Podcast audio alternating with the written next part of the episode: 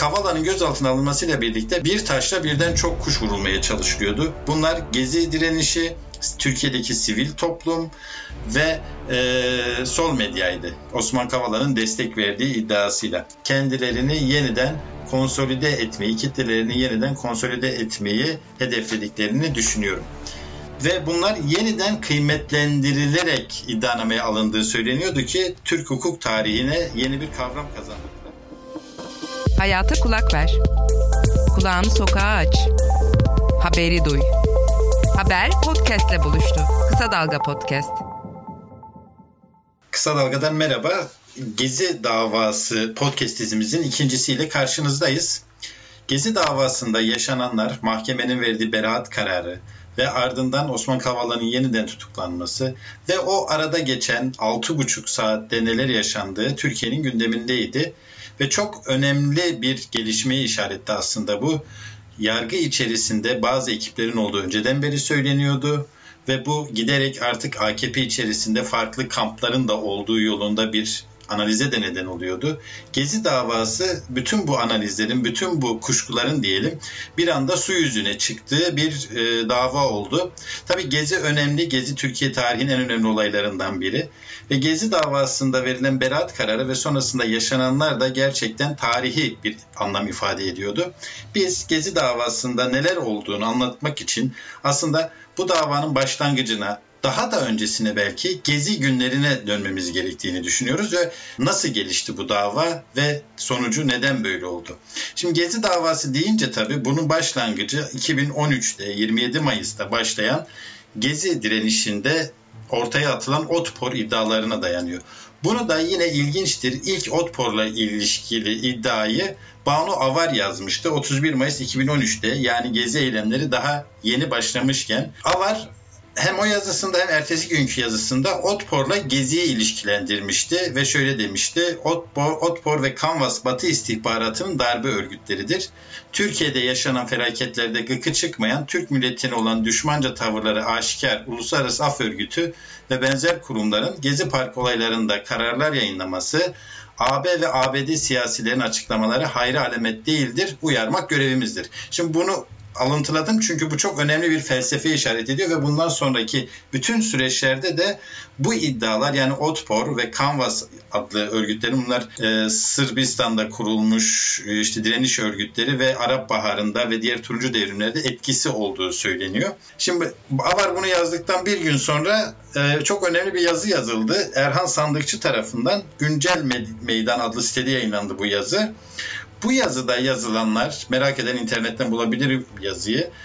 Gezi iddianamesini yani daha yıllar sonra açacak Gezi iddianamesini ve iktidarın ve Fethullahçı yargının iddialarının kaynağını oluşturdu.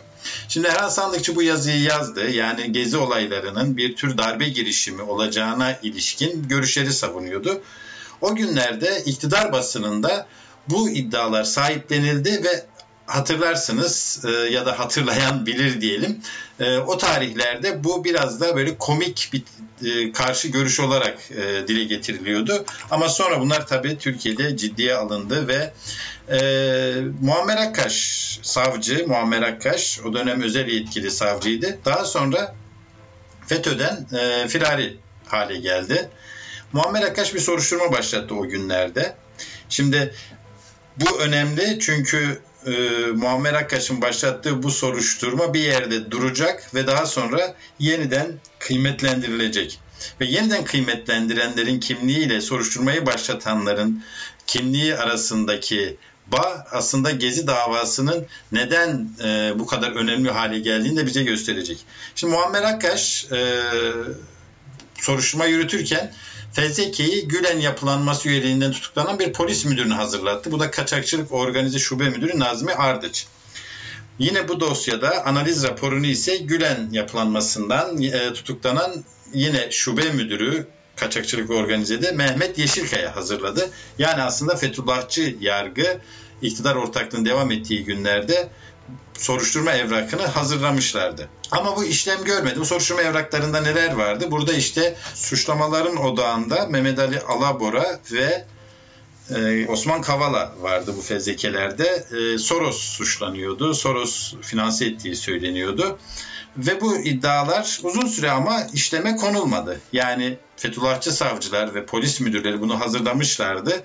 Ta 2013'te gezi eylemleri döneminde hazırlanmıştı. Nitekim bu fezlekelerin e, hazırlandığı 2014 yılında haberlere de konu olmuştu. Ama yıllarca buna dair herhangi bir işlem yapılmadı.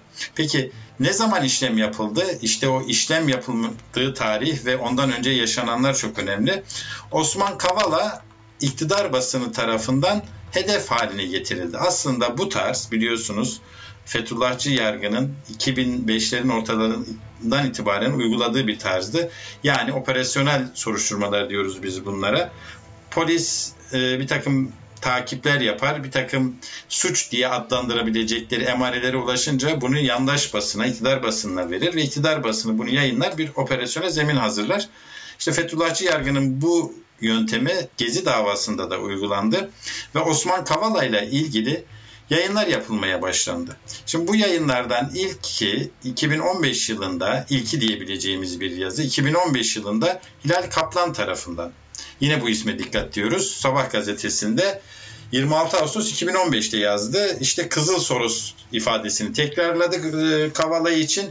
Bir günü finanse ettiğini, İmralı tutanaklarında Abdullah Öcalan'ın Kavala'ya selam gönderdiğini, Kavala'nın aynı zamanda askeri ihalelere giren biri olduğunu belirterek böyle bir karanlık tablo çizdi. Şimdi ondan bir önce 2014 yılında yine o demin bahsettiğimiz polis fezlekesine dayanarak Vakit gazetesinde bir yazı yayınlandı ve orada yine Mehmet Ali Alabora ve Osman Kavala suçlandı. Osman Kavala'nın Gezi direnişinin finansörü olduğu iddia edildi bu yazıda da. Tabi yazılar durmadı. İşte e, Yeni Şafak gazetesinden Hasan Öztürk yazdı. E, oradaki o yazıdaki iddialar da uzun süre Kavala hakkında kullanıldı. İşte Meral Akşener ile Kavala'nın akraba olduğunu bu yüzden Kavala'nın etkisi altındaki sol medyada Akşener aleyhinde haber çıkmamasını sağladığı söylendi. MHP kurultayın asıl amacı nedir diye soruyordu ki e, bununla Soros, Kavala ve Akşener bağlantısı kurmaya çalışılıyordu. Sonra e, Kavala'nın özellikle askeri ihalelere girmesi ile insansız hava araçlarına yönelik eleştiriler arasında bağlar kurulmaya çalışıldı. Bir gün gazetesindeki haberler bu yönlü olarak yorumlandı ve Kavala hedef haline getirildi. Yani özcesi Osman Kavala bir nefret objesi haline getirildi ama dikkat etmemiz gereken başka yayınlar da vardı. Bunlar Boğaziçi Küresel Davutoğlu'nun istifasına giden süreci başlatan pelikancılar olarak anılan e, bir oluşum. İşte başında Süheyb Öğüt var ve eşi Hilal Kaplan. Kavala ile ilgili ilk yazıyı yazanlardan biri Hilal Kaplan. Ve bünyesinde pek çok propaganda sitesini barındırıyor. İşte orada Osman Kavala'nın merak uyandıran hikayesi diye bir de işte bir takım şablonlar kullanarak, bir takım tablolar kullanarak Osman Kavala'nın neredeyse bütün kötülükleri bünyesinde barındırdığını, AKP ve iktidar aleyhine ne varsa arkasından Gezi e, vesaire ne varsa arkasında Osman Kavala'nın olduğunu iddia ediyorlardı. Burada işte FETÖ'cü yargının başlattığı ve e, dondurulan ama pelikancıların devam ettirdiği bir hedef gösterme sürecinin ardından Osman Kavala gözaltına alındı. Osman Kavala'nın gözaltına alınması sadece Kavala'nın şahsıyla ilgili değildi. Kavala'nın gözaltına alınmasıyla birlikte bir taşla birden çok kuş vurulmaya çalışılıyordu. Bunlar gezi direnişi, Türkiye'deki sivil toplum ve e, sol medyaydı. Osman Kavala'nın destek verdiği iddiasıyla. Şimdi bunlar bir araya geldi ve Osman Kavala ile birlikte 16 kişi hakkında dava açıldı. Bunlardan 7'si yurt dışında idi. İddianamede ne vardı? İddianamede işte bu detaylarını çokça okumuşsunuzdur ve biliyorsunuz diye üzerinde durmuyorum. Gezi iddianamesi denilen şeyde Fethullahçı savcının ve polis müdürlerinin hazırladığı fezlekeler birebir yer alıyordu. Ve bunlar yeniden kıymetlendirilerek iddianameye alındığı söyleniyordu ki Türk hukuk tarihine yeni bir kavram kazandırdılar. Yani Fethullahçı savcıların yasa dışı biçimde başlattığı bir soruşturma bu dönem savcıları tarafından geçerli hale getiriliyordu ki biliyorsunuz Fethullahçı savcılar tarafından ve Fethullahçı hakimler tarafından yapılan işlemler büyük ölçüde yargı tarafından bozuldu ve ortadan kaldırıldı. Ama Gezi iddianamesi hariç Gezi iddianamesinde bir yeniden kıymetlendirme adı altında bu iddianameyi canlandırdılar. Şimdi ne oldu daha sonra? Uzun bir yargılama süreci. Osman Kavala'nın tutukluluğu devam etti, tahliye edilmedi ve bu sırada ama Osman Kavala ile ilgili yedek bir soruşturma olarak 15 Temmuz darbe girişimiyle ilgili bir soruşturma da açıldığını öğrendik ve Henry Berkey denilen Amerikalı bir e, CIA ajanı olduğu iddia edilen bir kişiyle bağlantısı oldu. Biliyorsunuz bu kişinin 15 Temmuz'da İstanbul Büyükada'da bir takım akademisyenlerle yaptığı toplantı iktidar basını tarafından işte darbenin yönetildiği bir toplantı olarak yansımıştı ki o toplantıya katılan akademisyenlerin birçoğu hükümet yanlısıydı. Yabancı akademisyenler de yine Türk hükümeti yanlısı olarak biliniyorlardı ve toplantı konusu da bambaşkaydı. İran'la ilgili bir mesele ele alınıyordu ama o toplantı böyle kodlandı. 15 Temmuz darbe girişiminin güya yönetildiği bir toplantı olarak. Haber podcastle buluştu. Kısa Dalga yayında. Bizi Kısa Dalga Net ve podcast platformlarından dinleyebilirsiniz. Osman Kavala'nın tutukluluğu uzun sürdü ve ama Ahim 10 Aralık 2019'da Osman Kavala'nın tutukluluğunun 770. gününde ihlal kararı verdi ve bu ihlal kararına rağmen mahkeme Osman Kavala'yı tahliye etmedi. Mahkemenin tahliye etmemesi işte Selahattin Demirtaş örneğinde olduğu gibi aslında Türk hukukuna temelinde aykırıydı. Yani uluslararası e, sözleşmelerle kabul ettiğimiz, yargı yetkisini kabul ettiğimiz AHİM'in kararlarının uygulanması aslında iç hukukun bir gereği. Nitekim Anayasa Mahkemesi de Avrupa İnsan Hakları Mahkemesi kararlarının doğrudan uygulanması gerektiğini belirtiyor.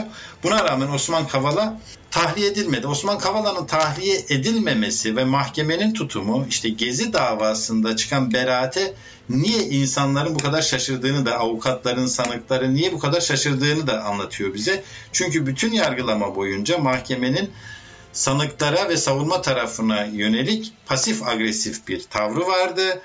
Talepleri reddediliyordu. Hiçbir şekilde e, savunma hakkını tam olarak kullanmalarına izin verilmiyordu. Ve ama ne oldu? Duruşma günü yine çok gergin geçen, savunma tarafının taleplerinin tamamen reddedildiği, hatta duruşmada dinlenmek üzere hazır getiren tanıkların dahi dinlenmediği bir ortamda mahkeme beraat kararı verdi. Beraat kararından sonra büyük bir şaşkınlık yaşandı. O şaşkınlığın nedeni neydi? Çünkü deminden beri anlattığım iktidar basınının ve iktidar sözcülerinin ki Cumhurbaşkanı Erdoğan da dahil olmak üzere Kavala'yı nasıl hedef aldıkları ortadaydı. Yanı sıra Gezi direnişine ilişkin darbe söylemleri ortadaydı. Bütün bunlar e, veri iken bir mahkemenin çıkıp bu iradeye karşı çıkarcasına beraat kararı vermesi gerçekten Türk yargısının içinde bulunduğu koşullar içinde sürpriz değerlendirildi. Yani bağımsız bir yargı olduğunu söyleyemeyeceğimize göre burada bir şeyler olmuştu. Gerçekten de gezi duruşmasından sonra dünkü podcast'imizde de hep söylediğimiz üzere hiçbir şey olmadığıyla bile kesinlikle bir şey oldu sözü en revaçta analizdi. Şimdi ne oldu peki? Beraat kararı nasıl çıktı ve biliyorsunuz ardından 6,5 saat sonra demin bahsettiğim Osman Kavala hakkında açılan 15 Temmuz soruşturması nedeniyle bir tutuklama kararı verildi. Tutuklama kararına yine detayına bakacak olursak aslında o soruşturmadaki deliller de oldukça tartışmalı. Ee, Henry Berkey ile e, Osman Kavala'nın 93 saat telefonda görüştüğü iddia edilmişti ama bu 93 saatin aslında aynı yerde bulunmaktan kaynaklı baz istasyonu sinyal bilgilerinin çakışması oldu ortaya çıktı. Nitekim Osman Kavala e, İstanbul ve Diyarbakır'da iki kez görüştüğünü e, iddia etti savcılık ama böyle görüş, bir görüşme olmadığını söyledi. Sadece bu delile tartışmalı bir delile dayanarak Osman Kavala tutuklandı. Üstelik yani daha önce uzun tutukluluk nedeniyle savcılık tarafından tahliye edildiği de ortaya çıktı. Yani savcılık tahliye etmişti ve sonra ama tam da Gezi davasında beraat aldığı gün gözaltı kararı verdi ve tutuklama çıkardı. Şimdi ve bu arada da aslında e, Recep Tayyip Erdoğan'ın Cumhurbaşkanı'nın yaptığı açıklama vardı. Yani Osman Kavala'nın gözaltında olduğu süre içerisindeki buradan da bir tutuklama kararı çıkacağını herkes anladı. Şimdi ne oldu peki? Yani bu beraat kararı ve ardından tutuklama. Bu ne olduğunun sorusu o arada iktidarın verdiği reaksiyonla da ilgili. Beraat kararından sonra AKP'liler ve troller sosyal medyada Gezi darbedir diye bir kampanya başlattılar ve e, Gezi'nin darbe olduğu iddiasını desteklemek üzere tek merkezden hazırlandığı açık olan birçok görüntü paylaştılar. E, bir galeyana gelme durumu vardı. İktidar basını neredeyse karalar bağlamıştı. E, ekranda bu karar nedeniyle oldukça üzüntülü ve öfkeliydiler. E, yargıyı eleştiriyorlardı. Nitekim e, hemen ardından İstanbul Başsavcılığı istinafa gideceğini açıkladı ve Osman Kavala'nın gözaltına alındığını duyurdu. Yani bu reaksiyon başarılı olmuştu. Şimdi burada mahkemenin beraat kararı veren mahkeme hakkında, hakimler hakkında Hakimler Savcılar Kurulu'nun açtığı bir soruşturma var. Hakimler Savcılar Kurulu hakimler hakkında soruşturma açtı ama yerlerini değiştirmedi. Bu da önemli bir veri olarak kaydedildi. Çünkü hakimlerin başta da beraat kararı verirken bir talimatla hareket ettikleri yolunda savunma tarafının yani Gezi'de yargılanan sanıkların çok ciddi görüşleri vardı. Avukatların görüşü bu yöndeydi. Yani mahkimse mahkemenin kendi iradesiyle beraat kararı verdiğini düşünmüyordu. Peki mahkemeye beraat kararı vermesi yönünde telkin yapıldığını varsaydığımızda o zaman da ardından Osman Kavala'nın neden tutuklandığı sorusu gündeme geliyor. İşte burada yargı içerisindeki İstanbul grubu ile Ankara grubu denilen gruplar arasındaki çatışmanın etkili olduğu söyleniyor. Gelişmeleri analiz edebilmek için şunu düşünmemiz gerekiyor. Bütün bu olup bitenlerin tek merkezden yönetildiği konusunda e, bir algı var ve tek merkez denilen e, bu yargıya hükmeden merkez üzerinde ise çeşitli kanatların etki etmeye çalıştığı söyleniyor. Yani açıkça bunu söylemek gerekirse İstanbul grubunu ve Ankara grubunu yani Adalet Bakanı'nın temsil ettiği Ankara grubuyla Cumhurbaşkanı avukatların da içinde olduğu ama bir takım yargı mensuplarını da içeren İstanbul grubu arasındaki çekişmenin Gezi davası ve sonrasında yaşananlara etki ettiği söyleniyor yargı çevrelerinde ağırlıklı bir görüş beraat kararında Adalet Bakanı ve Ankara grubunun etkili olduğu ama daha sonra ortaya çıkan reaksiyondan sonra yani AKP'lilerde ve sosyal medyada ortaya çıkan reaksiyondan sonra e, bundan vazgeçildiği, işte istinafa gidildiği ve Osman Kavala'nın da bu galeyana gelen kitleyi yatıştırmak üzere e, tutuklandı. Açıkçası bu bana çok rasyonel bir yorum olarak gelmiyor. Niye gelmiyor?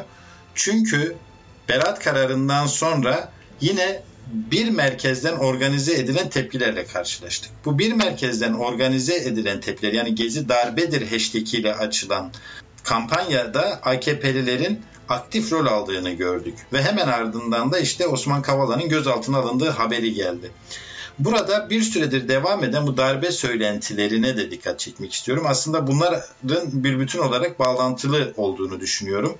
Şöyle ki e, darbe söylentileri çıktığında e, iktidar bunun bir e, süre yayılmasına izin verdi. İktidar basınında bu çokça işlendi. Her ne kadar sonunda Cumhurbaşkanı darbe söylentilerini e, reddetse de e, aslında bunun yayılmasına izin verildiği çok net bir şekilde anlaşılıyor. Gezi davasından sonra da bu darbe söylentileri mahkeme kararıyla ilişkilendirilerek ele alındı. Birçok yandaş yazar Gezi davasından sonra darbe söylentilerinin de e, bu kararla ilintili olduğunu belirten tweetler attılar, yazılar yazdılar. Ve hemen ardından e, bu darbe söylentileri ile Gezi davasında verilen kararın ilişkilendirilmesi kendisini Gezi darbedir hashtag ile ortaya koydu. Dolayısıyla bu bir merkezden yönetilen e, karar ve kampanya sürecinde darbe geliyor söylentisinin taba, tavan yaptığı, bunun e, AKP AKP'nin tabanı üzerinde çok ciddi etkileri olmasının hesaplandığı ve Gezi'de verilen beraat kararından sonra da bunun çok iyi kullanıldığını görüyoruz. E, bence e, bütün bunlar, bütün bu süreç birlikte örgütlendi ve hem beraat kararı çünkü aynı zamanda Gezi davasında verilen beraat kararının Türkiye'nin Suriye'deki operasyonla ilgili olarak da e, ihtiyaç duyulan bir karar olduğu düşünülüyordu.